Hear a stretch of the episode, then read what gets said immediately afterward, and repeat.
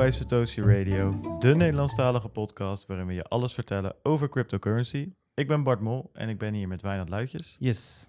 En uh, vandaag hebben wij een echte blockchain-ondernemer in de studio. Hij is founder en CTO van Ledger Leopard, waarmee hij blockchain-oplossingen voor klanten bedenkt en uitvoert.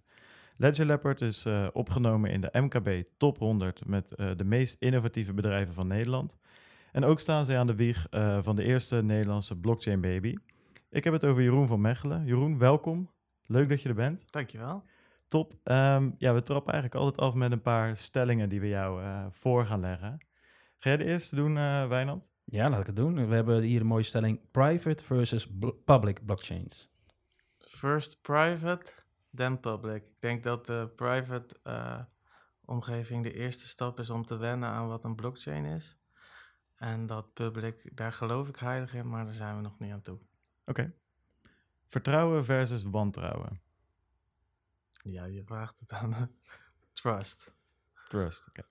Vitalik versus Satoshi. Ik, ik heb wat commentaar op Vitalik de laatste tijd. En dat uit, probeer ik heel af en toe wel eens zachtjes te duwen op Twitter. Want ik vind dat hij te veel uh, idealistisch aan het praten is. Terwijl hij ons als community misschien wat meer kan steunen in de dingen die wij aan het doen zijn. Dus dan zeker Satoshi, ja. Um, een ecosysteem versus concurrentie. Concurrentie. Coding versus marketing. Coding. Coding. Yes. Oké, okay, heb je er nog eentje waar je zegt van daar wil ik nog even wat extra uitleg over geven? Mm, nou ja, wat ik wou zeggen over uh, private versus public je moet dat ook vanuit het perspectief van de gebruikers of bedrijven zien. En kijk, die bedrijven komen net uit de cloud rollen met het zweet nog op hun voorhoofd. Ja, en dan kan er niet een beide hand kereltje in een zwarte trui aankomen lopen en die zegt dan, we gaan het nou even volledig anders doen. Alles wat jullie nou centraal doen, we decentraal over de hele wereld. Maak je geen zorgen, want het is allemaal gecodeerd, het kan niet kraken. Zo werkt het gewoon niet. Dus je moet eerst met zo'n permission blockchain laten zien dat het werkt en dat je daar kan je al veel toegevoegde waarde uithalen. En dan komt dat, dat public gedeelte vanzelf wel. Maar heeft dat ook te maken dan met budgetten? Of dat die gewoon op zijn in de, in de oude, ja, even de legacy? En terwijl cloud is niet per se een legacy, maar... Nee, dat zijn, de budgetten zijn niet op, maar het heeft ze gewoon heel veel moeite gekost om naar die perceptie te gaan dat de cloud veilig is. Want ze zaten eerst in een staat van, we hebben hier, dan kreeg een rondleiding bij een bedrijf en dan deden ze de kast netjes over om te laten zien hoe mooi de lichtjes op de server branden. En dat was hun asset, daar, daar was hun data. En dat heeft hun veel moeite gekost om van dat idee afscheid te nemen. En om dan nou alweer door te zetten van, naar, het gaat naar de cloud naar over de hele wereld. De cloud is ook over de hele wereld, snap ik wel. Maar dat gaat er nog niet in. Dus je moet ze in kleine stapjes daar naartoe brengen. Dus het is een tweestapsraket. Ja, ik had misschien wel verwacht, juist door de ervaringen die je hebt opgedaan met cloud. Het staat dus decentraal. We, we zien het niet meer, de hardware, de lampjes zien we niet meer branden. Maar je merkt niet dat die ervaring, dat het misschien juist wat sneller daardoor gaat. Misschien wel. En je ziet daar ook wel van die hybride tussenoplossingen waar Microsoft heel slim op inspeelt. Want die hebben nu natuurlijk ook een, een blockchain skill op hun Azure Cloud. Waarbij je gewoon een aantal VM's open kan zetten. En dan uh, uh, een zogenaamde blockchain ervaring krijgt, terwijl het nog in één netwerk is natuurlijk. Um, dat went wel, maar nee, het heeft nog veel moeite gekost om in die stap te gaan, die cloud. En om dan nou te zeggen, oké, okay, we gaan weer een stapje verder. Dat kan je niet in één keer doen. Daar zit ook gewoon veel investering in. Dat gaat niet. Hm. Nou, ik denk dat het interessant om zo op door te, te pakken. Ja, ja, nee, zeker. Um, nou ja, nog even onze disclaimer natuurlijk. Alles wat wij vertellen is op persoonlijke titel en moet niet worden gezien als beleggingsadvies. um, ja, dan moeten we. We hebben een advocaat gehad, een crypto-advocaat. En die heeft ons echt verteld van, nou, hou het er maar in voor de zekerheid. Je weet het nooit. Dus ja. uh, nou, we nemen zijn, uh, zijn advies maar voor waarheid, uh, voor waarheid aan. we zijn bereikbaar via Telegram en via Twitter. En de links vind je op www.satoshiradio.nl. Um, deze week gaan we het natuurlijk weer hebben over het nieuws van de week. Uh, korte marktupdate, dat uh, probeer ik een beetje weg te, weg te drukken, dat gevoel. En uh, ons onderwerp van de week waarover het, we het gaan hebben met Jeroen is... Um, is de blockchain voor bedrijven eerder een probleem dan een oplossing? Nou, daar komen we zo, zo op terug. Het nieuws, Wijnand, wat heb jij meegenomen deze week? Ja, ik heb een beetje rondgekeken en inderdaad, het is toch veel prijsgerelateerd nieuws. maar ik heb toch iets uitgepakt wat mij wel interesseerde. En dat is niet per se door het project wat het is, maar meer van, omdat we wel vaker over hebben, is de adoptie. Hè, dus ja, wanneer is, wordt crypto mainstream of wanneer zien we nou de eerste toepassingen die daadwerkelijk nut hebben of die gebruikt kunnen worden? Ehm, en dan kom je altijd op het kip-en-ei verhaal. Dat is natuurlijk een bekende tegenstelling van wat moet je eerder? Hè? Moet je eerder de users of je platform en hoe connect je die dan bij elkaar? Nou, wat Civic nu heeft gedaan, is dat zij een, uh, zij hebben een hele succesvolle ICO gehad uh, vorig jaar ergens. Uh, heel veel geld opgehaald. Momenteel worden ze ook gewaardeerd rond de 43 miljoen euro of dollar. Dus dat is, niet slecht. Um, en die willen een derde van hun totale token supply eigenlijk gaan inzetten om dus users te lokken. En dan kun je dan vergelijken met een PayPal van Introduce a Friend. Hè, dan krijg je 10 eurotjes op je rekeningstuk of Uber, die doen dat ook heel actief. Om eigenlijk gewoon een incentive te geven om het netwerk te joinen. Nou, wat doet Civic? Dat is een identity op de blockchain. En een praktisch voorbeeld is uh, wat ze bij de laatste consensus hebben gedaan. Dat is een beurs in New York. Is dat er een, uh, een biermachine stond van Budweiser. En als jij jouw ID had geregistreerd op de blockchain, je was gevalideerd dat je, ik denk 21 plus is in Amerika, dan kon je uit die machine, zonder dat iemand je controleerde, een, een blikje Budweiser kopen. En ik vind het wel grappig, maar ik denk dan is dit dan de oplossing? Want ik heb gekeken hoeveel kost het nou om, daar, om de ID te registreren op de blockchain, is dan 2 euro. Dus ik als user zou mij kunnen registreren voor 2 euro. Dus is dit dan een incentive om die, die mainstream adoptie, waar we het ook vaak over hebben, waar je Twitter helemaal gek van wordt, ja, gaat dit dan helpen? Is, is dit dan de drempel? Moeten we dan, gaat dit helpen aan die adoptie? En ik ben gewoon ook benieuwd wat, wat jullie de, kijk erop is. Maar ja, ik ben daar best cynisch over van, ja, het is niet een stupid bedrag wat je moet inleggen om überhaupt deel te maken. Waar, waar kwamen die tokens vandaan? Hun eigen supply. Hè? Dus ze hebben zeg maar de, de totale supply is 1 biljard of 1 miljard. En een derde daarvan is in omloop. Dus die worden getrade. Hè? Die kun je dus gewoon op een Binance... Een miljard volgens mij, hè? Ja, een billion. Een Amerikaanse billion is een, een, Nederlandse miljard. Ja, oké. Ja, ja. dus altijd, ik zit ook altijd... Uh... Ja. 1-0. En uh, ja, een derde is dus te verhandelen. En eh, uit een eigen supply maken ze dat dus beschikbaar. Ja. Dus wat je zegt is dat je met die token van hun kan je ID op de blockchain laten zetten. En dat is het idee. Ja, dus, dus een, op, op de chain ga je dus je ID kun je er neerzetten. En die tokens kun je dan mee betalen. Ja, wat het volgens mij ook uh, een, beetje is, dat zij, zij doen een, een KYC-service, zeg maar. dus je kan bijvoorbeeld bij Civic, uh, wat, wat ik ooit eens gedaan heb, is, uh, daar kan je, je kan allemaal verschillende verificaties hmm. doen. En je kan bijvoorbeeld je telefoonnummer laten verificeren. En als je dat dan gedaan hebt en je moet het daarna nog voor Facebook een keer doen, dan kan je je Civic app gebruiken om dat te doen. En dan hoeft uh, Facebook niet nog een keer los jou, um, jouw telefoonnummer uh, of, of, of e-mailadres. En dat gaat door tot aan complete KYC's uiteindelijk is de bedoeling. Dat je bijvoorbeeld ook je paspoort in die app zet en dat het één keer gecheckt wordt. En dan hopen ze dat als ik later naar ABN ga om een uh, bankrekening te openen of naar ja, uh, Egon om een hypotheek te kopen. Dat zij niet meer zelf een KYC gaan doen, maar dat ze naar Civic gaan om te kijken hè, van staat die jullie op de blockchain geregistreerd. Dus we maken een zelfsovereign identity oplossing, waar ze dan zelf het uh, attestation zijn en de claim bevestigen. Ja, dat is volgens mij het idee. En volgens mij ze werken wel met heel veel screening partners. Of ze dus zelf screenen, dat, dat durf ik niet te zeggen. Maar het is wel hetgeen waar het samenkomt inderdaad. En ze combineren het dan ook nog met zero knowledge proof. Dus dat ze geven, ze vragen alleen maar ben je boven 18 jaar of nee. Dat is wel de gedachte volgens mij. Nou ja, ik weet niet of dat er al... Want dat, gaat technisch redelijk ver volgens mij. En ik weet niet of er überhaupt al een, uh, een um, uh, project is wat, wat dat helemaal geïmplementeerd heeft. Nee. Nee, precies. Um, dus volgens mij, nou, dat, dat denk niet dat dat er is, maar ik denk dat ze dat er graag in willen doen. Maar ik denk wat, je, wat jouw punt een beetje is, is de vraag is, is dit een manier om uh, um, gebruikers naar je platform te halen? Ja. En mm. ja, Kijk, ik denk dat je hier um, is het. Uh, bijvoorbeeld, jij haalde Uber aan. Uh, en uh, Uber aan de ene kant zijn gewoon mensen die een auto rijden, particulieren eigenlijk bijna, of taxichauffeurs. ZZP'ers dus waarschijnlijk. En aan de andere kant zijn mensen als jij en ik die ergens heen willen, die een taxi nodig hebben. Maar hier, ja, wanneer er echt KYC eh, of EML of dat soort verificaties uh, nodig zijn, dan heb je aan de ene kant gewoon jij of ik, de gebruiker. Maar aan de andere kant meestal een groot log bedrijf. Of in ieder geval een bedrijf. En niet, niet zo ik, ik zie dit niet per se als platform. Aan de ene kant uh, normale gebruikers staan, aan de andere kant ZZP'ers. Maar dat is wel wat ze willen gaan doen. Want ze willen juist die, die providers die dus een ID nodig hebben, willen ze gaan koppelen. En ze hebben ook Identity.com gekocht uh, een paar weken terug. Ja, dat snap ik. Maar dat is niet zoals bij Uber of Airbnb, dat er aan beide kanten uh, mensen zijn die je met een tientje kan paaien. Aan de ene kant staat, staat een reus als ING ah, ja, of, ja, of als ABN. En aan de andere kant sta ik. En ja, waarvoor zou ik al die dingen naar Civic of een andere uh, ICO, whatever, ja, project uploaden? Um, ik zou het relaxed vinden als ik dat kan gebruiken uh, voor DigiD. Maar dan moet de overheid on boord zijn. De overheid moet het faciliteren. En ook als je zoiets doet, het eerste en het belangrijkste bevestiging van jouw claim die je moet hebben, die moet van de overheid komen, bevestigend dat jij degene bent die op je paspoort staat. En ik vind een partij als Civic is niet de partij die kan bevestigen dat dat ID is uitgegeven door hun bijvoorbeeld. Dus je eerste attest wat je nodig hebt in je telefoon om die vervolgstappen, dan maakt het niet uit, want dan kan je het met hem aan een bank kan je aantonen dat jij bent wie je bent dan. En dan kan je met dat soort commerciële partijen, kan je dan de volgende stappen doen.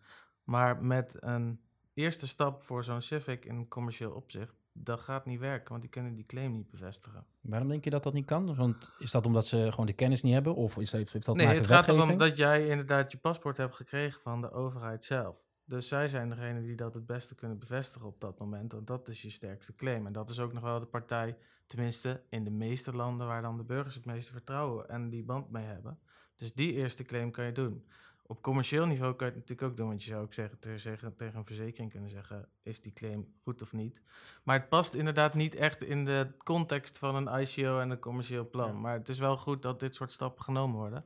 Ik geloof alleen nog niet echt dat ze dat kunnen ontwikkelen. Nou ja, ik, we, hebben het eigenlijk eh, best wel een tijdje terug over gehad. Toen, er, toen was er, waren er een stuk of vier of vijf van dit soort ICO's achter elkaar. Ja, ja. En die waren we aan het beoordelen. En, en ik vind, ik vind de projecten niet per se slecht. En ik vind het idee ook niet per se slecht. Alleen als je het echt over KYC en, en, en paspoorten op blockchains hebt, dan, dan, moet, dan moet je samen gaan werken met de overheid. En het is niet zo dat de overheid daar per se, bijvoorbeeld DigiD wordt ook volgens mij niet door de overheid zelf ontwikkeld. Daar wordt ook een partij bijgehaald die ze daarbij helpt. Alleen, ja, ja weet je, als het dan nog op een publieke blockchain is. Nou, ik, um, ik had er vanuit een, op dat moment vanuit een investeringsoogpunt niet, geen. Um, voor de komende paar jaar niet zo'n uh, hoge, hoge hoop in.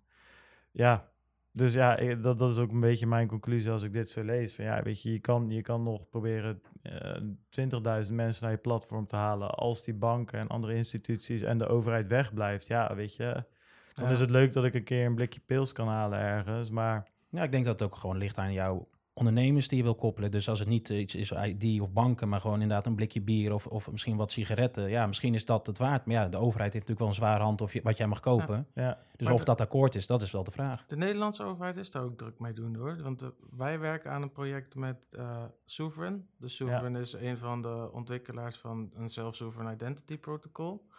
En de Nederlandse overheid doet het ook met de TU Delft. Die hebben dan hun eigen trust chain ontwikkeld. En daarvan kijken ze, oké, we laten die twee partijen dat allebei ontwikkelen. En want wij mogen geen partij kiezen op zich. Ze mogen, ze mogen niet zomaar zeggen, het is of de TU of een andere partij.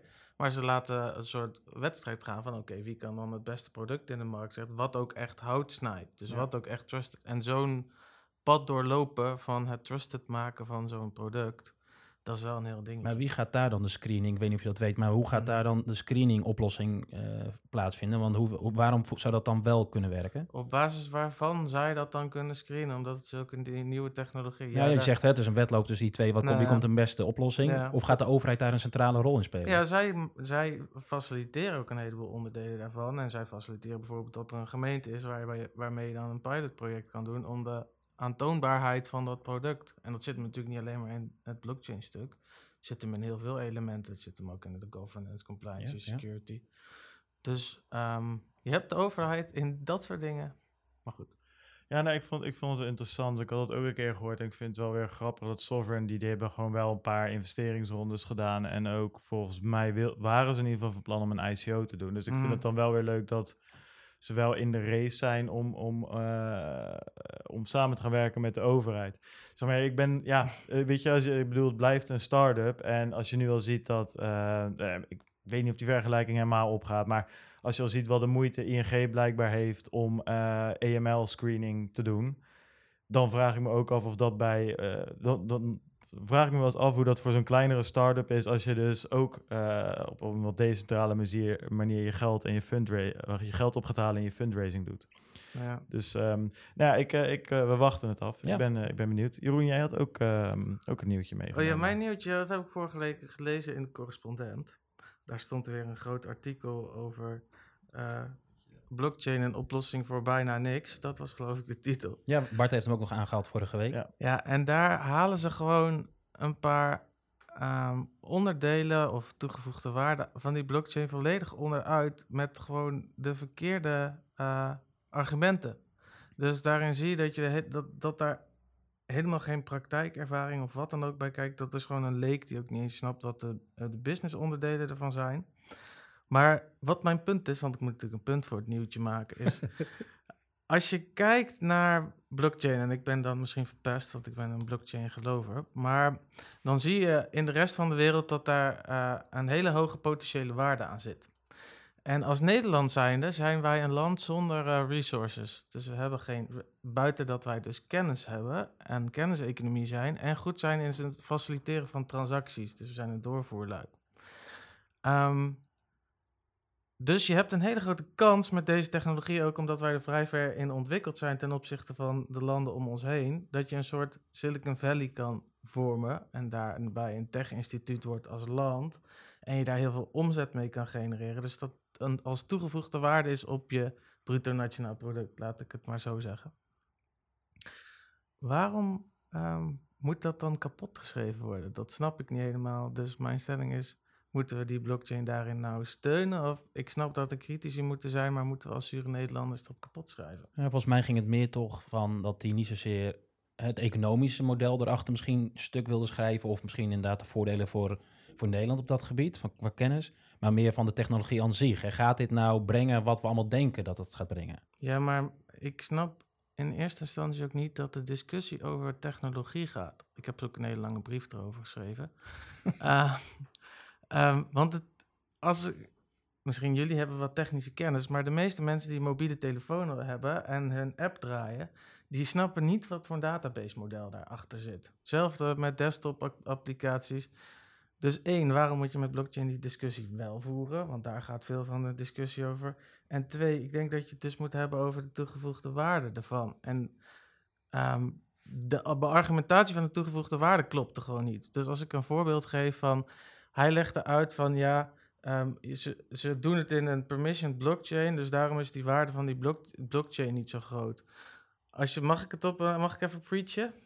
Als je het op een hoger niveau bekijkt, is ehm, wat je ziet in de wereld is dat toen het internet gekomen is, zijn we van centraal denken om databases heen naar het, het kunnen communiceren en decentraal met elkaar samenwerken, toch? Um, die gedachte, die zijpelt steeds verder door. En daar zie je niet alleen maar dat dat zo komt door het internet, maar dat het ook problemen met zich meebrengt. Kijk naar bijvoorbeeld Facebook met een bepaalde president.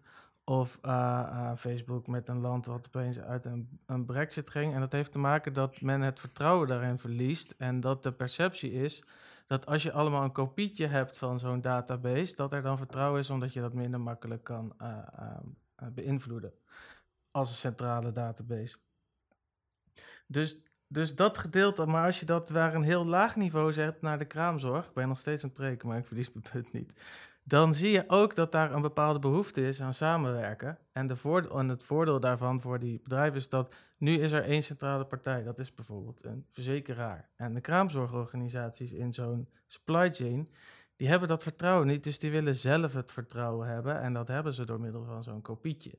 Dus die eerste stap, als je het naar hoger niveau trekt en niet zozeer naar de technologie kijkt, maar de perceptie daarachter, naar dat soort voordelen moet je kijken en de teneur in de samenleving, hoe dat gaat. Is dat ook niet veel meer de governance die erbij komt kijken? Dus het samen denken, maar ook hoe beheers je? Want je kunt natuurlijk wel een, een, een kopie van de data op elke plek hebben, ja. maar uh, ik denk dat bij, bij Facebook ook heel veel het probleem ook is, bij dat soort partijen misschien wel het governance model. Welke kant gaan ja. we op? Hoe gaan we die data ja. gebruiken? Ja, maar eens, maar dan nog kan je niet beweren dat dat dus als je decentraal gaat delen in een kleinere groep, dat dat nutteloos is. Dat dat dus geen toegevoegde waarde heeft voor die actoren in die groep. Ik snap wel dat het naar een groter systeem moet.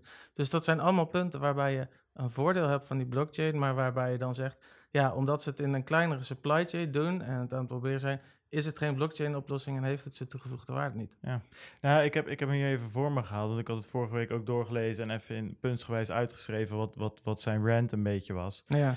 En uh, als ik het zo doorlees, hè, uh, wat ik toen gezegd heb, daar blijf ik bij. Ik vond het niet per se een slecht artikel. Ik heb echt slechtere uh, Telegraaf, FUT artikelen gelezen die echt nergens op gebaseerd waren. En Ja, ja. hij had duidelijk zijn, zijn best gedaan om in ieder geval in te lezen. Alleen wat voor mij een beetje het probleem was, dat de, de mindset waarmee hij daarin ging, die was gewoon duidelijk negatief. En hij Ja. heeft daar legitieme punten bij gezocht die ook eh, voor verbetering vatbaar zijn. We hebben, Wijnand en ik hebben laatst een gesprek gehad en daar, eh, daar hadden we het er ook over. En, en, en eh, toen zei iemand tegen ons van ja, maar eigenlijk al die dingen die je opnoemt, dat zijn, dat zijn technische mankementen. En we staan nog in de kinderschoenen met blockchain, maar ook met bitcoin, waar het dan vaak over gaat. En er zitten enorm getalenteerde developers dag en nacht aan te werken om dat op te lossen. Dus nee, ja, nu is het nog niet geschikt voor je moeder, maar waarschijnlijk over drie of vier jaar wel. Maar ja, En ehm, ik heb hier de dingen staan. Hij zegt een clash met GDPR, hè, dus dat je dingen niet kan verwijderen. mhm. Eh, fouten zijn niet te herstellen. Dus als ik wat naar jou zend, wat ik naar Wijnand had willen zenden, eh, ja, dan ben ik aan jou overgeleverd of je het me terugstuurt, ja of nee. Ehm, je Mhm. hebt natuurlijk het milieuprobleem, hè, proof of work, impro- inputprobleem. Ehm, dus ja, op een blockchain, als je daar crap data invoert, dan blijft het crap data. Weliswaar voor altijd op een blockchain, in tegenstelling tot de normale database, maar nog steeds Mhm. slechte data. Dus ja, dat waren de dingen die hij noemde. En dat zijn op zich verre punten, as we speak. Alleen wat jij ook heel terecht zegt, er zijn ook positieve kanten en die miste ik een beetje. Het was meer van, oké, nou dit is het en dit blijft het. Ja, En- maar ja, je, je- wat je ook zegt, waar ik aan het begin over begon, het zijn allemaal technische punten die hij noemt. Ja. Dus het zijn niet eh, de voordelen en die technische punten, als je ze ook weer herhaalt en je relateert het even naar de software die we op dit moment gebruiken, zijn die technische problemen er ook. Dus, maar goed, kan er een hele Ja, ik vind het wel grappig, hè, want gisteren ik zei, het voordat het begon, ik keek naar een documentaire, ging dan ook over eh, de opkomst van eh, Windows 95. Nou, als je ziet hoeveel problemen daarmee waren, Ja, dat, dat product wat we nu gebruiken, eh, Ja. welke Windows is, Windows 10, ja, dat is natuurlijk ook niet meer te vergelijken. En niemand heeft het onder de over, onderliggende, onder, onderliggende problemen die Nee. er waren of zijn. Iedereen is super blij dat ze via een Google Chrome Ja. eh, de websites eh, kunnen daar Ja, wat, we, wat we vorige week ook aangaven, dit is gewoon die hele theorie rondom disruptieve innovatie. Op het moment Ja. dat het uitkomt, is het gewoon... Het is, het is net als een, als een jonge profvoetballer waarvan je ziet dat hij gewoon enorm veel talent heeft, maar nog Ja. he- wel helemaal omgebeukt wordt door die oude bonkige gasten, weet je wel. ja. Maar waarvan je ziet als, het, als, het nog, als, het, als hij nog twee jaar door blijft, blijft voetballen, dan kan dat wel eens een hele grote worden. En precies. dat is hier ook. En die oude, oude bonkige voetballers, dat zijn onze oude databases. Ja, en misschien is dat op dit moment nog beter. Maar die, dat jonge spelertje heeft wel een paar hele specifieke Ja. kwaliteiten die de anderen niet hebben. En dat, dat is een beetje wat ik miste in dat, in dat stuk, weet je. Ja, en dan is het typisch Nederlands om zo'n talent af te zeiken. Ja, precies. Dus dan is de bal weer rond. Ja, maar jij, jij bent natuurlijk ook veel bezig en, en wereldwijd eh, zie ik ook, ik kijk op jullie Twitter en dan Ja. zie ik dat jullie overal heen gaan. Ja. Is dat typisch Nederlands? Zijn wij dan echt zo zuur? Of zie je dat in Amerika is daar een hele andere mindset? Of in In Singapore? Amerika vind ik het wat moeilijker, want daar is de blockchain-wereld zit wat anders in elkaar op dit moment. Maar in Singapore zitten, zitten ze er gewoon anders in. Die hebben een mindset, die hebben besloten, die zeggen, wij hebben een probleem. En wat mensen dus vaak zeggen, blockchain eh, zoekt een probleem. Nee, die hebben een probleem en die hebben gezocht naar een oplossing daarbij en zijn uitgekomen op blockchain. Ehm, en die zitten er met die mindset in. We gaan dat inzetten voor een oplossing voor ons. Ja, Nederlanders die kunnen daar wel eens wat zwart-witter in zijn. Ja, Ja. die, die, nuchterheid zit dus af en toe ook En dat tegen is ook wel goed. Nogmaals, ik vind dat je zeker kritiek op mag leveren op een aantal onderdelen, maar het moet niet ongefundeerd zijn en ook niet met de bedoeling om het stuk te schrijven. Nee, nee dat, dat idee had ik er ook bij. Maar goed, dat, eh, wij hebben ook al in de uitzending gezegd van... joh, als hij het hoort, dan eh, willen we hem graag hier een keer Ik heb hem een brief geschreven. Nou. En eh, hij zei ook dat de kraamzorg dan het in uitgekleide versie... Sorry, maar wij, gaan het in de, wij hebben een contract om het in de volledige kraamzorg te implementeren. Dus ja, my god. Maar Nou, goed. ik ben wel benieuwd naar de, zijn reactie. Ja, als je er eentje krijgt, laat het ons weten. Dan, eh, dan nemen we het weer mee. Eh, het vervolg. Ehm, even kijken hoor. Nou, het nieuwtje wat ik had eh, gevonden, en wij dan trouwens ook. We hebben daar net zelf zijn we er even ingedoken. Wij eh, lazen ehm, eh, een we- weekje terug of zo, begon het een beetje. Ja, overal koppen met huge stash of dark market bitcoins on the move. En dat ging dus om een enorme berg aan bitcoins. die op een wallet stond, die al jaren niet aangeraakt was. Die, die werd opeens verstuurd. En het smeugen van het verhaal was, is dat die, nou ja, wallet uh, te maken zou kunnen hebben met Silk Road. En dat is natuurlijk de, de marktplaats voor drugs, zeg maar. Um, Waarvan de, de founder inmiddels levenslang in de, in de bak zit in Amerika. Ja, dat is toch die dood uit woorden, ja. ja. Ja, dat, eh, dat klopt, ja. Dat is, um, even kijken hoor, want ik heb het hier allemaal onder elkaar geschreven. Nou, um, er is dus een Reddit-user, ik wil hem ook even de, de complimenten geven die hij verdient. Die heet Sick Silk, dat is een throwaway account, omdat hij uh, nou ja, niet wil dat ze een echte, echte naam hiermee uh, in, um, geconnect wordt. En nou, die heeft in, ja, eigenlijk allemaal Bitcoin wallets houdt hij in de gaten. En die zag dus op een gegeven moment dat dat er één wallet was, er stonden uh, eh, 110.000 bitcoins op. En dat is, uh, die wallet is in 2011 aangemaakt, hadden we net gezien. Ja, en vanaf 2011 tot 2014 zijn al die bitcoins verspreid in allemaal subwallets. En daar hebben ze dus gestaan tot aan een week geleden. Want toen werden ze opeens... Um, ja, naar Bittrex, ja, weet naar allemaal. allemaal exchanges gestuurd. Um, er is 15.000 bitcoin naar verschillende exchanges gegaan. En nou ja, dat kan ook zomaar eens de reden zijn voor de drop die we je de afgelopen dagen gezien heb, hebben. Um, en wat is dus zo interessant is, die hoofdwallet, daar stond dus een transactie op van de, of dat kon in connectie gebracht worden met, met uh, de wallet van Ross Ulbright. En dat is dus de, de founder van, uh, van de Silk Road. En daarom wordt nu dus ook gezegd dat deze wallet dan ook uh, een dark market Bitcoin wallet is. Zeg Zou kunnen zijn, hè? Dus het is nou inderdaad... ja, ja, dat is heel goed dat jij dat zegt. Want ja, dat, uh, dat punt willen we duidelijk maken. Ik bedoel, het werd overal gezegd alsof dit de Silk Road wallet is of zo, die opeens opgegraven werd. En, en dat is denk ik niet... Um, niet, uh, of in ieder geval, dat hoeft niet waar te zijn. Ja, want uh, volgens mij heeft de, de grootste wallet heeft de FBI in, in bezit. Ja, dat is de Mount Gox wallet, toch? Of nee, ook de Silk Road Ook van Silk Road. En dit schijnt een beetje zijn uh, hardware uh, wallet idee te zijn. Wat ik kan op Reddit las. Ja, het is, het is maar. geschift. Kijk, wat, het punt wat ik eigenlijk hiermee um, aan wil gaan halen is... dat er gewoon meerdere van dit soort enorme wallets uh, er, er, zijn... En dat kan van Silk Road zijn, dat kan van Mount Gox zijn... maar het kan ook van iemand zijn die in 2009 zijn computer is vergeten uit te zetten toen hij op vakantie ging en, en toevallig een paar honderdduizend bitcoins bij elkaar gemined heeft.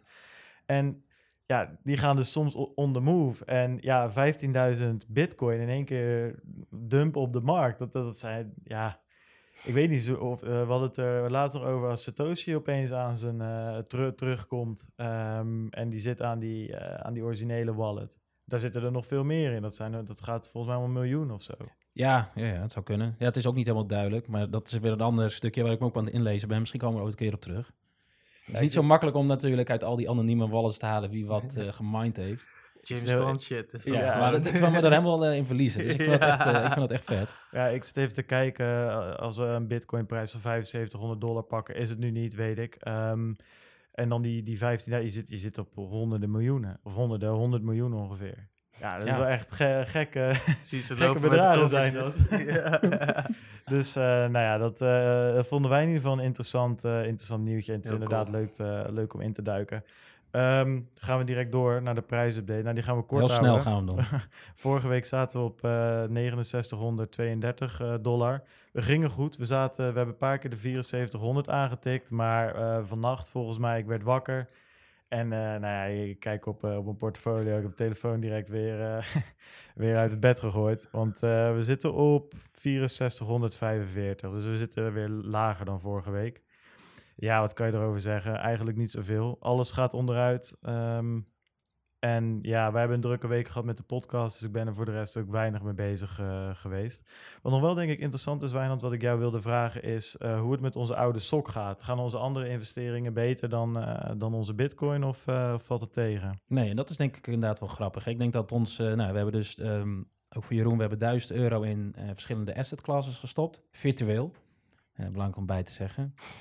Uh, en dat het idee is, dat gaan we gewoon lekker laten rijpen. Dus dat is inderdaad die computer die je per ongeluk hebt aan laten staan uh, en je bent op vakantie geweest en je denkt, hé, hey, hij draait nog. Nou, dus we hebben wat in bitcoin gestopt, in de top 10 coins die je kunt krijgen op uh, CoinMarketCap. En we hebben wat op een spaarrekening gezet. we hebben een AX-tracker gedaan en een stukje goud gekocht. En momenteel sta, staat alleen de spaarrekening weer in de lichte plus. um, Ja, het is eigenlijk de slechtste positie ook overal gezien van onze oude sokken. Ja, de Eh, slechtste positie is? nu zijn we op onze 5000 euro zijn we 230 euro kwijt. Dus Ja. het is relatief. Hè? Dus je begint van je gooit je telefoon weg, maar als je dan kijkt in absolute aantallen in dit perspectief is het te overzien. Ja. Maar ook goud gaat gewoon hard onderuit. E- AX, nou ja, dat, die, die, die is slechter dan de bitcoin momenteel. Ja, klopt. Maar we hadden het erover. We zijn natuurlijk ook qua aandelen stappen we gewoon in op een all-time high. Ja. Dus dat is ook gewoon gedoemd om te mislukken. Het is ook niet helemaal fair, hè? dat begonnen we ook al mee. Maar ja, je moet ooit een instapmoment kiezen. En om het Maar ja, dan, te dan, dan is het misschien leuk om te zien. eh, want goud is ten opzichte van vorige week iets omhoog gegaan. Ja. Dat is dus wel grappig. Als dus de aandelenmarkt wat onderuit gaat, dat dan goud misschien weer wat meer... eh, eh, wat, wat, wat hoger in prijs komt. Maar ja, laten we daar volgende week weer gaan Ja. kijken. Ga ik afsluiten met vragen of je bullish of bearish bent. Ja, nou na deze week... Dit was in ieder geval voor mij een, eh, een berig weekje, kan ik je vertellen. Dan, houden we, dan, dan spreek ik je volgende week weer. Ik, eh, ik blijf bullish zolang we boven die 5000 of 6000 eh, dollar grens blijven. Daaronder dan, dan weet ik niet of jullie ons volgende week nog, nog gaan horen. ik weet niet of je het dan nog opneemt als ik je bel. ik denk dat de microfoontjes dan weer verkocht moeten worden. nee, komt, komt helemaal goed. Investeer nooit met geld dat je geleend hebt of niet kan missen. Ehm, even kijken hoor. Ja, nou, nu naar het leuke, leuke stuk weer. Eh, even de markt eh, achter ons laten. Want we hebben, nou ja, Jeroen in de studio, wat we al, eh, wat we gezegd hebben. En ehm, we gaan het hebben over het onderwerp: is blockchain voor bedrijven? ehm, blockchain voor bedrijven, dus een specifiek blockchain voor bedrijven, niet voor normale gebruikers, eerder een probleem dan een oplossing. En ja, dat, dat onderwerp komt er een beetje vandaan, omdat, nou ja, eh Wijnand en ik werken ehm, nou, op zich best wel aan, aan, aan blockchain-opdrachten, zowel privé als voor werk. We spreken een hoop mensen. En je hoort zoveel verschillende dingen. Je hoort de big- Bitcoin-maximalist die zeggen van een blockchain moet zoals Bitcoin zijn en that's it. En alles wat ook maar een beetje anders is, dat is geen blockchain en daarmee ook slecht. Je hebt eh, hoge pieven in bedrijven die hebben iets gehoord en die willen een blockchain. Alles En, moet op de eh, Alles blockchain. moet op de blockchain. de, de, de koffiezetautomaten moeten op de blockchain en elk bedrijfsproces moet op de blockchain gezet worden. Heb je developers die zeggen dat kan niet en doe nou gewoon dit, want dat is veel beter. Iedereen zegt wat. En ja, nu hebben we dus eindelijk iemand in de studio die ook daadwerkelijk blockchain eh, toepassingen voor bedrijven eh, ontwikkelt en ook al heeft ontwikkeld een aantal, eh, aantal werkende producten. Ja, en wij willen daar eigenlijk gewoon gaan vragen van ja, help ons daar eens doorheen. Geef ons wat, wat guidance. Maar waarom zou het een pro... Wat is de definitie van een probleem dan? Want als ze het niet hebben, kunnen ze het niet zien als een probleem. Maar bedoel je een, probleem als een, de implementatie ervan? Of wat is het probleem? Nou ja, wij, denken zeg maar het, het ontwikkelen, het nadenken erover. Er wordt in, in, in bijna alle bedrijven zijn er nu eh, worden er sprints georganiseerd of zijn er blockchain teams worden op poten gezet en mensen gaan erover nadenken en er moet, moeten dingen op blockchain gedaan worden. Mhm. En ik kan me voorstellen dat ehm, eh, als, als, als je daar blanco aan begint en eigenlijk niet zo goed weet wat een blockchain wel en niet kan, en misschien ook niet zo goed weet wat het bedrijfsproces nou precies inhoudt of het probleem precies is, Mhm. dat je heel veel tijd, resources, geld, energie gaat besteden aan iets wat eigenlijk van tevoren al nooit kan. En in die manier hebben wij de stelling ook een beetje neergezet van dan wordt het eerder een probleem dan dat het ooit iets op gaat Ja, lossen. dan Ja. wordt er zo'n dossier met hoofdpijn. Maar ja, we zijn eraan begonnen. Net eh, Ja. Zo'n ICT op project van de overheid. Nou, we doen het maar. En dan Ja. toch op een gegeven moment blijkt het niet wat het is. En dan, eh, nou, toch maar de stekker eruit. Het is Ja. gefaald. Precies. Ja. Nou ja, dat, zit- dat is wel een beetje inherent aan softwareontwikkeling. En ik denk, ik, ik vind de softwarebranche altijd lijken op de bouwbranche. Je kan hele goede gebouwen maken, maar je kan ook eh, het Rijksmuseum eh, bouwen waar drie eh, bedrijven op failliet gaan, zeg maar. Ja. En wat maar blijft duren.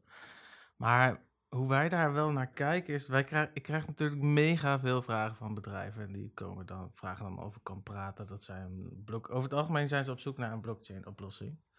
En eh, 80% die is, gewoon wat, die is gewoon zoekende. Die willen iets met blockchain, maar weten niet precies wat. En toch wel 20% die eh, heeft er wel goed over nagedacht al. Dus die snappen wel wat de toegevoegde waarde is en wat ze ermee kunnen. Ehm, dus ik vlieg het altijd een beetje zo aan dat ik eerst ga kijken. Nou ja, dan ga je met ze praten. Dan leggen ze uit van oké, eh, wij willen blockchain. Is het? Is ons probleem. Vind je dat dat bij elkaar past? Ehm, dan kan ik heel commercieel in gaan zitten en dan kan ik denken, oké, ik maak jouw probleem mijn opbrengst en dan fix ik iets voor je. Dat is natuurlijk wel bij veel grotere bedrijven is dat soms ook wel de insteek om naar binnen te komen en zo lang mogelijk binnen te blijven. Want uurtje factuurtje. Uurtje factuurtje, dan blijven ze betalen. Ja, zo zitten wij er gewoon niet in. Dus ik wil, ik ga niet blockchain om het blockchainen. En ik kijk of het probleem wat ze hebben past bij de toepassing van blockchain. En daar leer ik zelf ook nog van, want het is elke dag leren door te doen. En het is niet zo dat ik een paar projecten verpest heb en daarvan geleerd heb en dan weer door kan naar de volgende. Nee, we hebben hele mooie projecten afgeleverd. Waarbij duidelijk die toegevoegde waarde naar voren komt. En daarvan leer je dan hoe je dat moet repeteren. En je krijgt steeds duidelijker voor jezelf wat dan de toegevoegde waarde in die business voor die bedrijf is. Dus het begint gewoon met ze te praten. En dan te kijken of je niet gaat blockchainen om het blockchainen. En dan neem je daarin vervolgstappen. En dan kan je dus zien ehm, dat, het, dat het een hele grote toegevoegde waarde heeft in zo'n proces. En dat hebben we ook al een paar keer aangetoond. Maar waar komt deze passie dan van blockchains eigenlijk vandaan?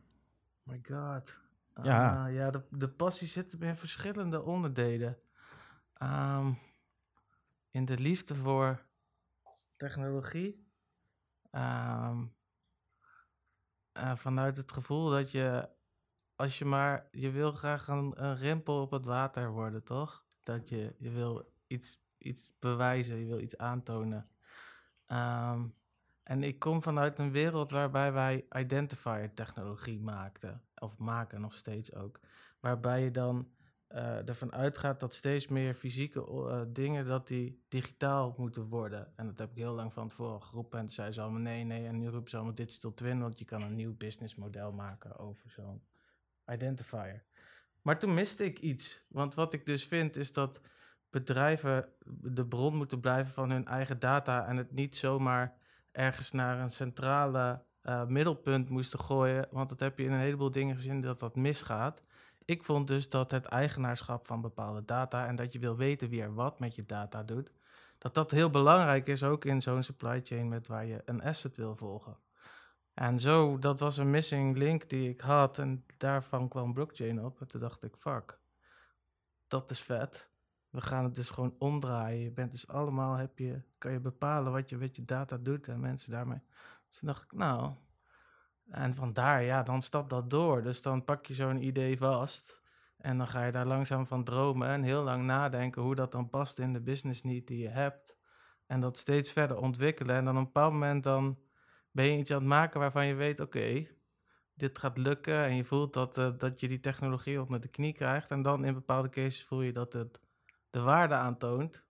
Ja, en dat is de kick. Als je iets van niets naar iets brengt en het, het toont dan de toegevoegde waarde die jij in je hoofd hebt, ja, daar kan ik dag en nacht mee bezig zijn. Dat laat mij niet los. Ik ben verslaafd aan die blockchain, want ik zie steeds meer wat je ermee kan. Ja. En wanneer hebben we het dan over? Wanneer, wanneer was die Sparkle? Hè? Wanneer... Mm, die Sparkle was eigenlijk toen wij die baby-app begonnen te maken, daar zijn we al anders mee begonnen. Want toen het was eigenlijk een boekje vervangen op de tafel waar Wen wat inschrijft en waar, wat je eigenlijk dat boekje digitaal wilde maken en dat iedereen daarin kon kijken. Dat wilde je eigenlijk, want al die stakeholders gooiden naar hun eigen boekje in hun eigen bibliotheek.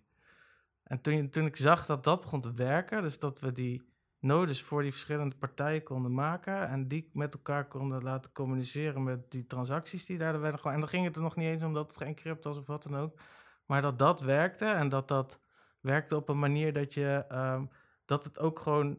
Um, ik wil altijd graag dat het werkt, dat ik ook echt mee kan werken. Dus dat ik echt een transactie aan kan maken en dat een paar seconden en dat ik dan een berichtje terugkrijg. Ja, de transactie is aangemaakt. Ja, dat is zo vet. En als je daarop door kan, dan weet je dat je goed zit. Dus ja. Ja, nee, weet je, ehm, je zei natuurlijk aan het begin, uh, of nou aan het begin, uh, je zei net, uh, dat er 80% van, van de bedrijven die naar jullie toe komen, ja, die zeggen jullie, nou ja, denk er nog maar even wat langer over na. Ja. Hè? En met 20 jullie zee. Um, zijn er nou, uh, laat ik beginnen met die 80%, zijn er nou een beetje parallellen te trekken die, uh, van, van dingen die je daar ziet, die je veel terug ziet komen? Ja. Misschien misconcepties of iets dergelijks van bedrijven die denken dit is het en waarvan jij, waarvan jij zegt dat is het eigenlijk helemaal niet? Ja, nou ja, dat mensen denken dat het een datalaag is dat het een systeem is. Dus dat je er heel veel data in kunt stoppen en dat je dat dan met z'n allen gaat delen. Dat is het niet. Het is een tussenlaag waar je stempeltjes in zet, die geregistreerd worden en waarvan je het met elkaar eens is dat dat stempeltje er is. Dus het is een eventlog wat decentraal is en waarbij je dus afspraken kan regelen. Ik geef jou Uh, 5 euro per product per uur. Die afspraak heb je. Ik geef jou toegang om mijn medische data te zien. Stempeltje. Dat doet het. En daar zit een slimme tussenlaag tussen. En ja, dat, daar vergissen mensen zich in, want die denken dat het een, een, een database is waar je van alles ingooit en waarbij je allemaal een hele grote database hebt. Nee, het zijn stempeltjes die je zet. En dat komt, en die stempeltjes, de toegevoegde waarde daarvan is, we willen graag allemaal baas zijn over onze eigen data. En kunnen bepalen wie daar wat mee kan. Maar dat kan nu nog niet, omdat dat vastzit. En die blockchain nu faciliteert er in ieder geval in dat je mensen kan, dat je een geregistreerde toestemming hebt dat zij wat met jouw data mogen doen. En dat je kan zien wat ermee gebeurt. En die perceptie, die moeten ze erin krijgen. En het is dus waar ze heel vaak misgaan is. Oké, het is één grote database. Want, want een ander ding wat je vaak, uh, vaak hoort van... Hè, uh, op, een, op een moment dat een blockchain permissioned is... Ja. Dus um, voor, de, voor de luisteraars die, die niet weten wat het is... het is gewoon een groepje ja, gebruikers eigenlijk kunnen eh, organisaties zijn, maar ook gewoon normale gebruikers die zeggen van we schermen het hier af en wij zijn de spelers in deze, in deze blockchain. Is eigenlijk gewoon een private afgeschermde, ja. um, afgeschermde blockchain die, um, als je dat, um, er, wordt dus hier gezegd, dan is het, of dan hoor je vaak, dan is het geen blockchain meer.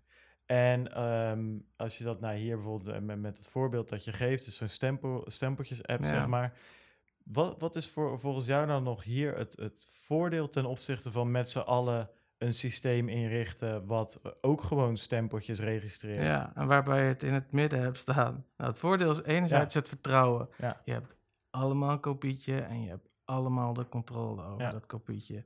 Ehm, dat is één.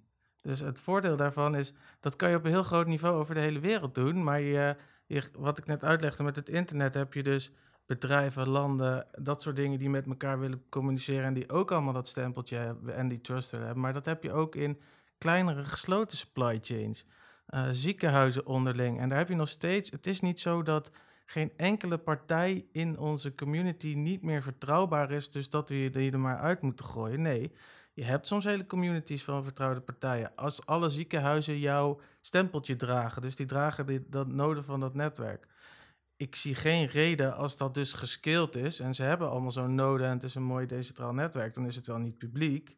Maar alsnog faciliteert het in de decentrale behoefte die we hebben dat ons consent om iets te doen met onze data niet in één database staat en is, wordt gedragen door verschillende partijen die ik vertrouw. Dus daar zie ik niet in waarom dat uh, uh, geen goede oplossing zou zijn. Ik snap dat mensen het helemaal publiek willen, maar dat is nu gewoon een utopie. Dat kan niet.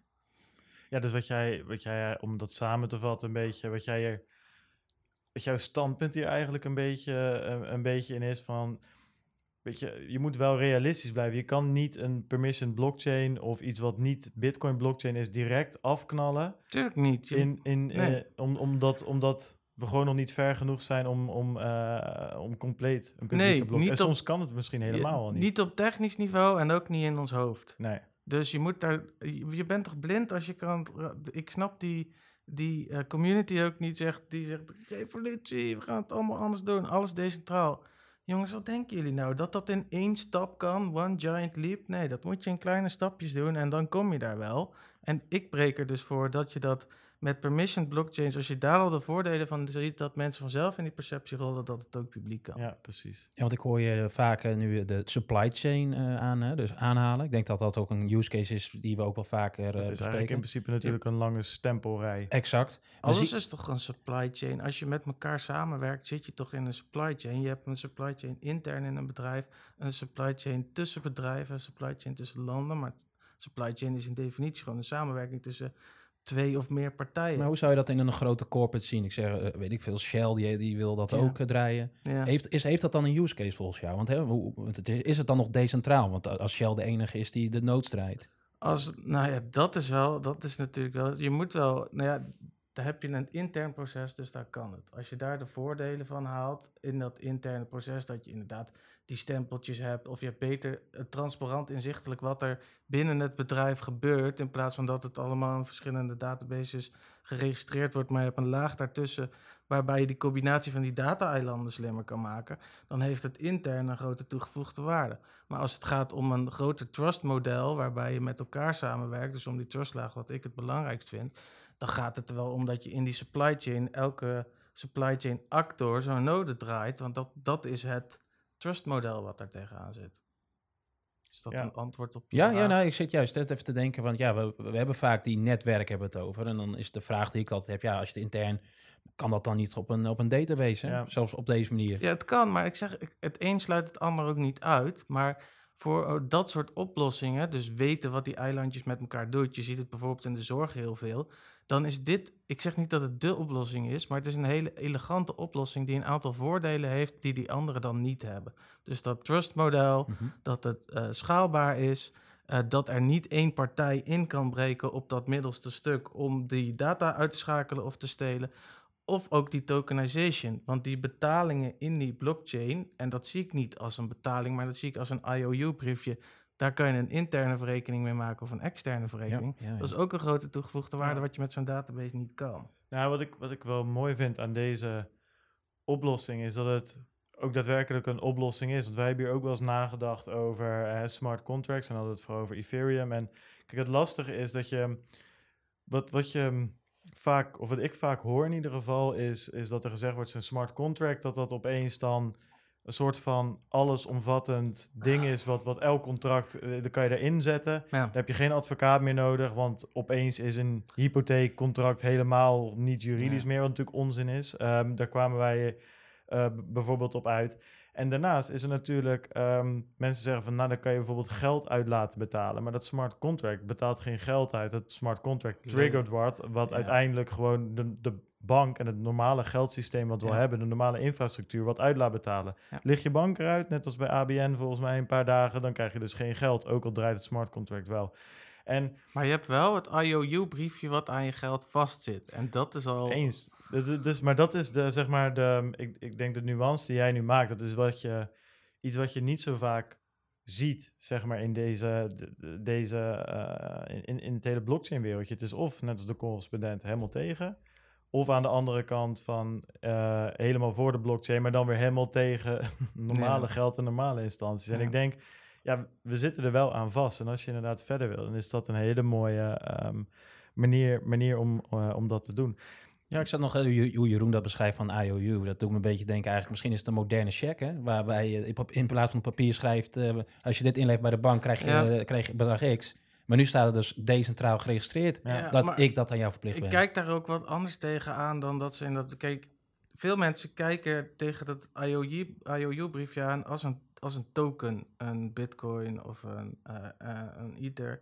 Maar ik kijk daar tegenaan ik, zie die, ik snap die namen niet omdat ik daar de toegevoegde waarde niet. Ik zie het als een eenheid waarover je een afspraak hebt. Dus wat ik al uitlegde, in de kraamzorg heb je een afspraak dat je 30 euro per uur krijgt voor een bepaalde dienst. Dus je token is in dat geval een uur en geen eenheid. En daar is het in een IOU, want dat zij die token in hun wallet hebben, daarvan weten ze dat ze die afspraak hebben staan in het smart contract. Als ik die inwissel, krijg ik 30 euro dat stukje vertrouwen, dat ze die token in hun wallet hebben en dat ze dat als IOU-briefje inderdaad hebben, dat geeft ook alweer een toegevoegde waarde in de perceptie. Want dezelfde seconde dat ze die dienst geleverd hebben, krijgen ze dat IOU-briefje. Ja, dat heeft, en dat je dat dan later met PSD2, et cetera, veel sneller kan uitbetalen. Want dat, komt, dat is in principe nu al mogelijk dat je een paar seconden later dat ingeleverd hebt. Maar dat is wel een heel sterk middel, want je faciliteert je afspraken in dat decentrale netwerk. En die afspraken worden ook nog eens uitgekeerd in geld. Ja, even tussendoor. PSD2 is Europese wetgeving die eraan gaat komen, uh, waardoor volgens mij, of in ieder geval andere partijen dan de bank gebruik kunnen maken van de bank, zeg maar. Van, van jou, ja, van jouw van jou, uh, bankrekeningen, zoals je daar. Bun kan het al. Ja, precies. Uh, dat is heel interessant hoor. Daar wij al een tijdje geleden uh, met wat mensen van een bank staan praten. En die zeiden ook van ja, dat is wel. Je ziet, um, bijvoorbeeld, bijvoorbeeld is Funda. Dat is heel, heel interessant. Dan kan je natuurlijk mensen denken, kijk daar een beetje huizen. Maar die hebben inmiddels zo'n bulk aan data. Dat als zij gewoon in die, back, uh, in die backend van die bank kunnen in één keer. Dat, dat een bank eigenlijk ja, een soort van administratief afhandelaar wordt of zo. Ja.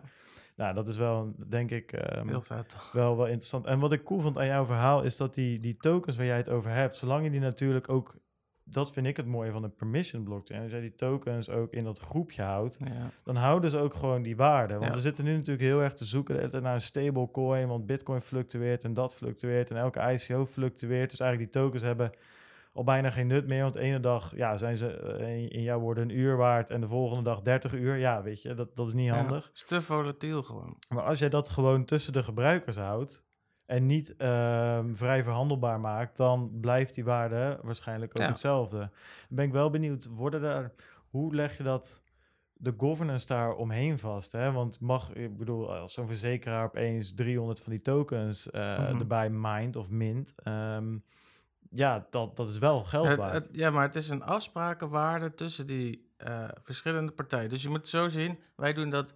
Je hebt in de zorg heb je een aantal partijen, toch? Je hebt drie partijen in principe. Eén, de zorgontvanger. Twee, de zorgsupplier. En drie, op dat moment de zorgbetaler. En dat, die betaling moet wel weer uitgedrukt kunnen worden in geld uiteindelijk. Dus het- het bijdrukken heeft niet zoveel zin, want dat kunnen ze, het wordt binnen een vrij korte periode afgeboekt in geld.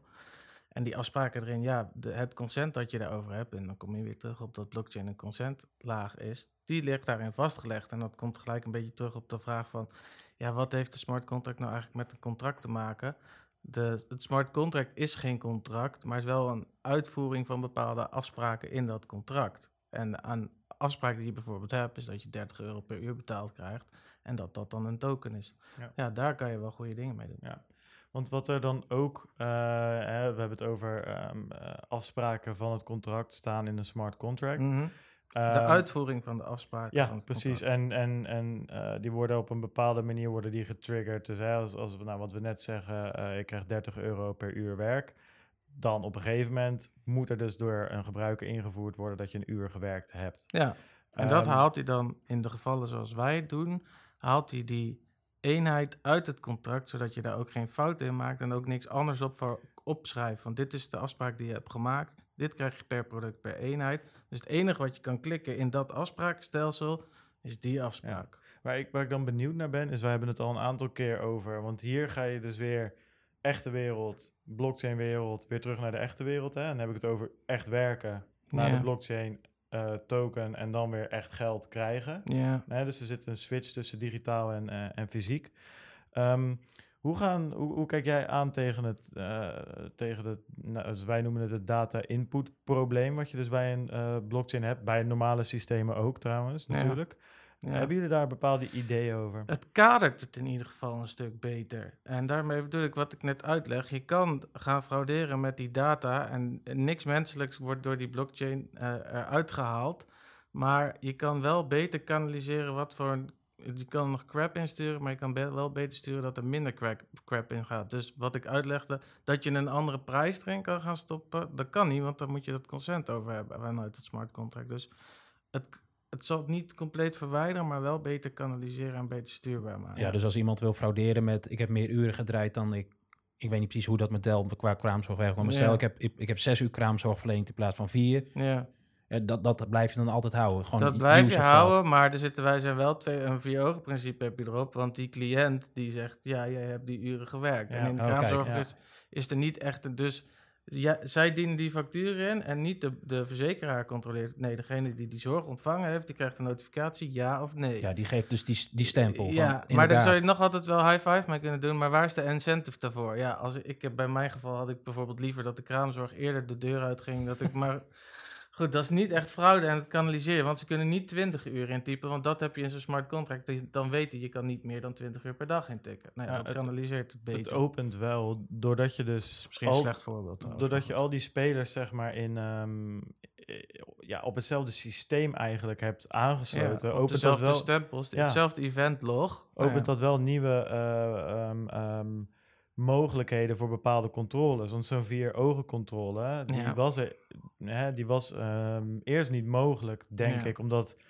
Ik weet niet precies, maar ik kan me voorstellen dat iemand van de kraamzorg... een of andere ja, whatever, die voert in een zorgsysteem in, wat misschien weer eh, op de een of andere manier gekoppeld staat met een verzekeraar. En, en degene die het ontvangt, nou, dat is überhaupt maar de vraag of die Ja. ergens een stempel gaat zetten. Ja. Ehm, dus ik vind dat wel. dat Dus je hebt ook wel- inzichtelijk wie daar dus in kijkt allemaal. Ja. En wie, dat, en wie dat dus doet. Dus je hebt een hele trail. En het handige van die trail in die blockchain is dat het dus weer onweerlegbaar is. Dus kan niet zomaar iemand in een database gaan zitten kloten. Dat al die events worden getriggerd. En je kan het elke keer weer terugzien. Ja. Zie je het niet als risico dat dan al deze... Misschien is dit dan uw registratie niet al te kritisch. Maar dat dan al die data op al die plekken staat. Hè? Want je zegt inkijken. Ja, maar da, als je dan... Moet je wel even terug naar het blockchain-puristen bla bla verhaal. Het enige wat wij doen met de data die we erin stoppen, wij stoppen er hashes en pointers in. Dus wij stoppen er geen zin in waarvan je iets kan afleiden. Je geeft dus als je naar ziekenhuizen kijkt, um, de, de patiënt geeft sleutel A, geeft sleutel B, toegang tot een pointer naar een bepaalde locatie die weer gehashed is, dus waar je niks uit op kan maken. Uh, als je dat anders gaat doen, en je maakt het heel transparant, dan zou je inderdaad, en dat is natuurlijk ook weer de perceptie van veel mensen die denken, dadelijk doet die verzekeraar die noden open en dan kijkt hij erin en dan zie ik dat, dan ziet hij dat ik een bepaalde behandeling in het ziekenhuis Precies, heb gehad. Ja. Maar zo werkt het dus niet. En dat, dus nogmaals, daar moeten mensen aan wennen, het zien en dan kom je ergens. Ja, want ik denk in hetzelfde straatje. Um, um, uh, de vorige keer dat ik jou sprak was op een, uh, een blockchain ja, conferentie, blockchain bijeenkomst, whatever. En wat mij nog wel bijstaat is dat jij ook liet zien dat, dat het niet alleen om die backend blockchain gaat, maar eigenlijk dat de frontend nog net zo, misschien nog wel, nog wel belangrijker is. Dus de user experience heb ik het over. Ja. En dat eigenlijk die zorgverlener of die ontvanger, Ja. dat hij een app heeft en dat hij eigenlijk niet eens eh, door heeft dat, Dat er een daar- blockchain Ja, precies. Hij moet alleen maar de toegevoegde waarde ervaren. En ik zal toen het voorbeeld hebben gegeven van die NS. Je hebt een NFC-chip op je telefoon hè? en je kan dus scannen bij die apparaten. En er is een app gemaakt, dus voor je. Dus wat ik even, even terug. Ik pretendeer dat je die NS-kaart niet nodig hebt, maar dat dat met je mobiele telefoon kan. Er is dus een bedrijf die heeft zo'n app gemaakt. Vet cool. Waarom zou je het niet doen?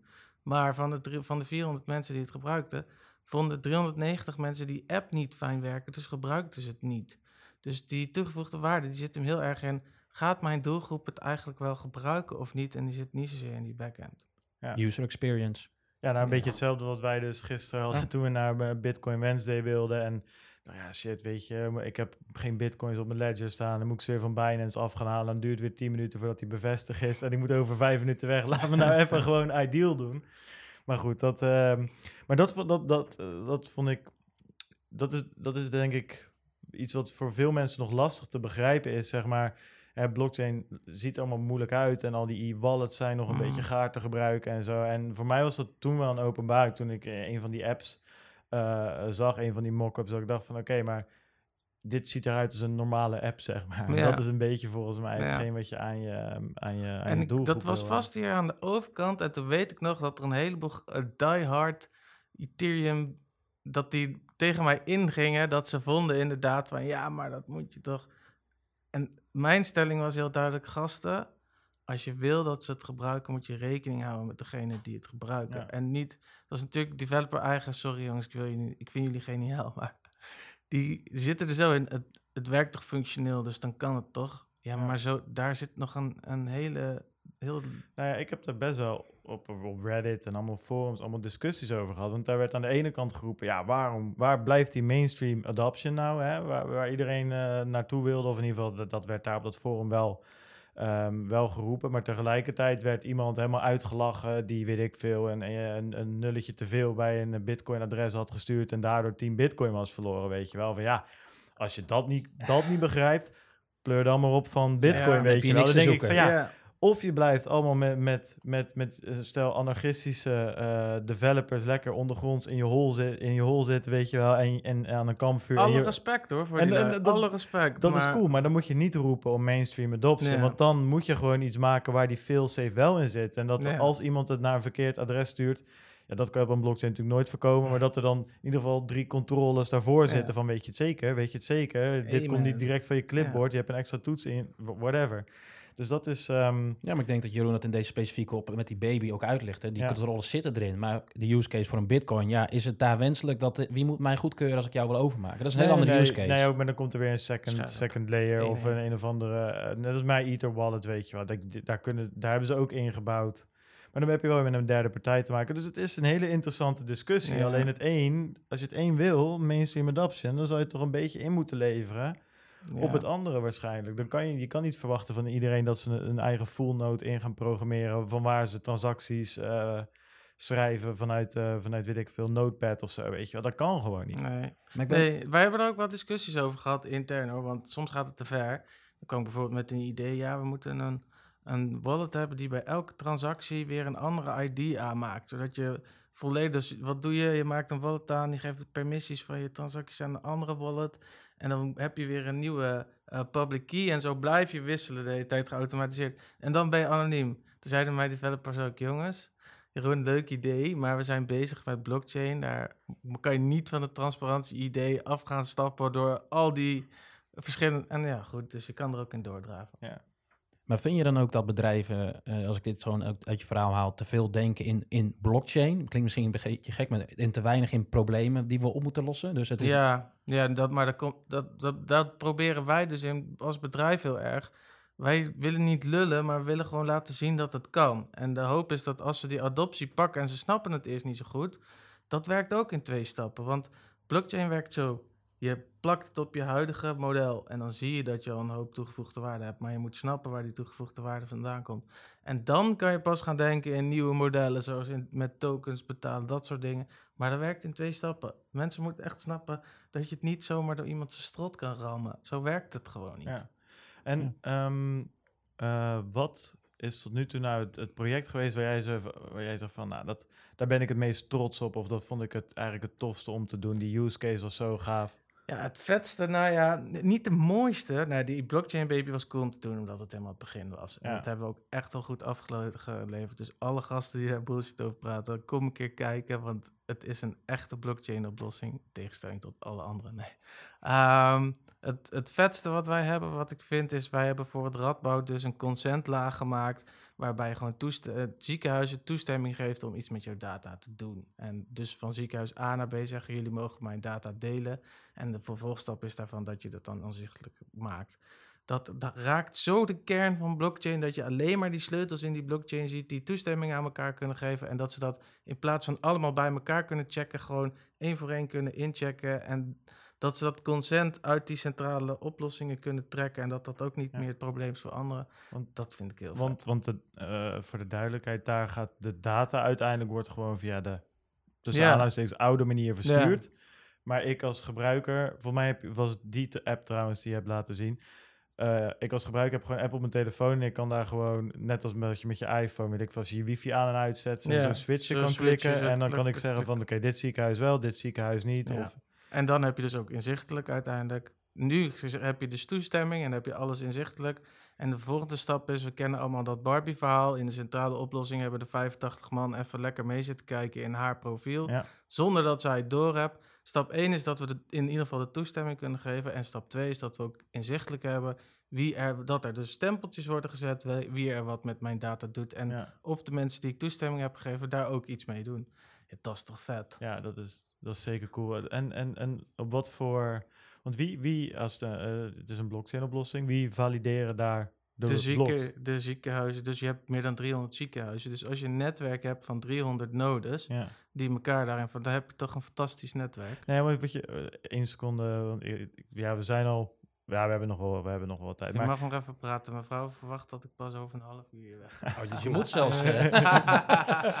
maar wat, wat, want wat je vaak natuurlijk hoort is van... Um, en eigenlijk nu ik over nadenken, is dat absurd. Want je hoort vaak naar een permission blockchain. Ja, dan gaan die banken, die gaan samenwerken. Of die ziekenhuizen, die, wer die, die, die werken allemaal... Maar je hebt het hier over 300 ziekenhuizen, van, verspreid vanaf Maastricht tot aan Groningen waarschijnlijk, weet je wel die, dat, dat is eigenlijk in zichzelf, als je het zo neerzet en, en over nadenkt, is dat, nou, het is niet het meest gedecentraliseerde wat er kan. Nee. Maar het is best nog wel gedecentraliseerd. En de kans dat, dat, dat een ziekenhuis in Maastricht samen gaat werken met een ziekenhuis in Groningen en onder één kapje gaat spelen en frauderen, is denk ik sowieso minimaal en nu nog steeds minimaal. En geen voldoende uh, impact te maken, want je hebt te weinig. Precies. En het is dus een oplossing waarbij je consent dus decentраal en anoniem wordt geregistreerd. In plaats van dat er iemand op die centrale database kan zetten waar ook je naam eraan gestempeld zit. En je hebt zelf de controle over je data. Want hoe koppel je zoiets dan aan, uh, aan die onderliggende data? Want dat, dat zeg je dat, je dat, nog, dat jullie dat nog willen gaan doen. Dus als een, ja. als een ziekenhuis op een gegeven moment een, een, een mijn... Uh, ik weet niet of ik dat heel hard mag roepen. Maar je hebt die ziekenhuizen gebruiken zogenaamde XDS-systemen... waarin de protocollen waarmee ze met elkaar communiceren worden besloten. Ja. En daaraan kan je refereren. En nu gaat het nog om... Als je nu bij een ziekenhuis komt, zet je een kruisje. En dat kruisje betekent dat alle ziekenhuizen alles met elkaar mogen delen. En dat je daar geen zin... Dus dan is, dus het weg. en nu is dat, is dat digitale kruisje is een eerste stap dat je toestemming geeft voor alles. Ja. Van een bepaald ziekenhuis. Uh, omdat de data in ziekenhuizen het nu nog niet toelaat om dat op een heel granulair niveau te doen. Maar mhm. daar maak je nu wel een stap naartoe. Ja. Ja, ik, ja nou, ik, ik, nou, ik zet denk ik even voordat we denk ik terug moeten komen op de hoofdvraag. Heb ik nog misschien een ethische vraag. Van, hè, we leven natuurlijk in de wereld van crypto en we zien, uh, we hebben begonnen ook met de Civic ICO waar miljoenen worden opgehaald. En jeukt het of, bij jullie dan niet om, als jullie zo'n idee uitwerken, wat je net vertelt, je bent super trots erop, om dan die ICO aan te gaan en je idee eigenlijk te marketizen? Is, is dat, jeukt dat dan niet? Of is dat dan uit jouw ideaal dan een, een no-go? Nou, dat, het, het is geen, niet een no-go, maar waar, dat is niet de doelstelling waarvoor ik het doe. Ik, ik uh, heb, een, heb een mooi bedrijf, ik hoef echt niet te klagen. Maar het gaat me. Ik, ik heb altijd tegen mensen gezegd die vroegen: waarom doe je het dan? Als ik in een kartonnen doos wakker word en ik sta op en ik loop naar het hoekje om te pissen en ik kijk ergens door het raam naar binnen en ik zie dat ze de technologie gebruiken die wij ontwikkeld hebben en waar ik in geloofd heb, dan is dat voor mij meer dan voldoende. Ja, dus dus meer dan een money grab. Het is niet, uh, je bent erin voor de money of the love, toch? En mijn, mijn uh, uh, punt is, als je de love heel goed doet, dan zit daar ook een waardering in. Geld voor vaak, maar ik zit er nu nog heel erg in voor de love. Ja, nou, dat is een mooi streven. Ja, zeker.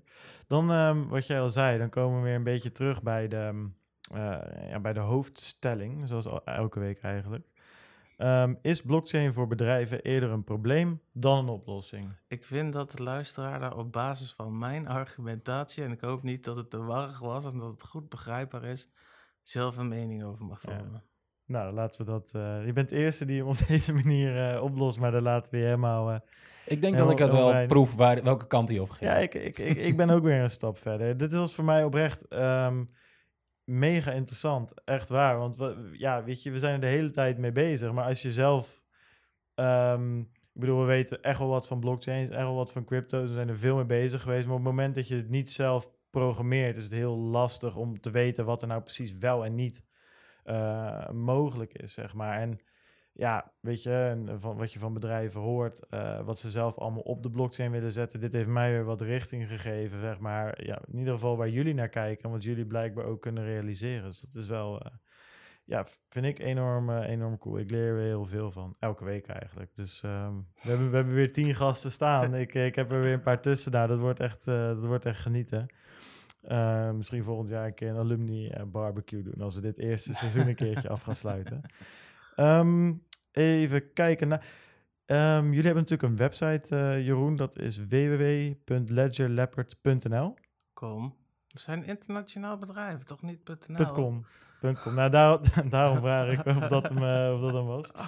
Um, en ik wil je heel erg bedanken dat je hier helemaal naartoe bent gekomen. Ja, ik wil uh, jullie bedanken. Ik vind, en keep up the good work. Ik vind het echt leuk wat jullie doen. En als het, het, het, stimuleert, wat, ik vroeg net, wat draag je bij? En jullie doelstelling is om bij te dragen aan deze community. Dat vind ik echt heel cool. Ja, nou, leuk om te horen. ja, zeker leuk om te horen. Daar doen we het uiteindelijk voor. Want ja, ja jij zegt van, als je ergens hard voor werkt en liefde voor hebt, dan komt de waardering vanzelf. Ja. Nou ja, dan, wij moeten het met deze waardering doen tot nu toe, want het heeft alleen maar klauwen met geld gekost. maar nee, het is echt wat ik zeg. Ik leer elke week weer en het is echt, echt leuk om te doen. Zeker in deze bear market houdt het je, je gedachten een beetje van die, eh, van die prijs af. Ehm, heb je nou naar deze podcast geluisterd en denk je van, nou ja, leuk, lachen. Uh, nou, kom dan bij onze Telegram groep of volg ons op Twitter of doe het allebei als je in een gekke bui bent. Uh, de links kan je vinden op www.satoshiradio.nl. Heb jij eigenlijk Telegram, uh, Jeroen? Nee, ik heb geen LinkedIn, ik heb geen Telegram. Nee, dat heb ik gemerkt inderdaad. Dat, is heel uh... handig als je geen LinkedIn hebt, dan kunnen ze je niet vinden. Ik vind jou wel. Ja, nee, ja, anders hadden we je in de Telegram groep gegooid. We proberen alle gasten daar een beetje in te, in te gooien. En dan krijg je echt enorm leuke nou, discussies Misschien is dit een goede impuls om er anders mee te maken. Ik zal je, ik zal je een, ik zal je een mailtje sturen. Uh, Wijnand, natuurlijk wil ik jou ook weer van harte bedanken. Uh, Graag gedaan. Goed, uh, goed, dat je er ook weer bij was. Klasse um, Wijnand. Klasse, klasse gedaan. nou, staat die eindtune er maar. Precies, dan, we gaan weer, dan kunnen we weer gaan dansen en dan gaan wij eens een, een, een lekker biertje opentrekken. Dus bedankt voor het luisteren en tot volgende week. Adios.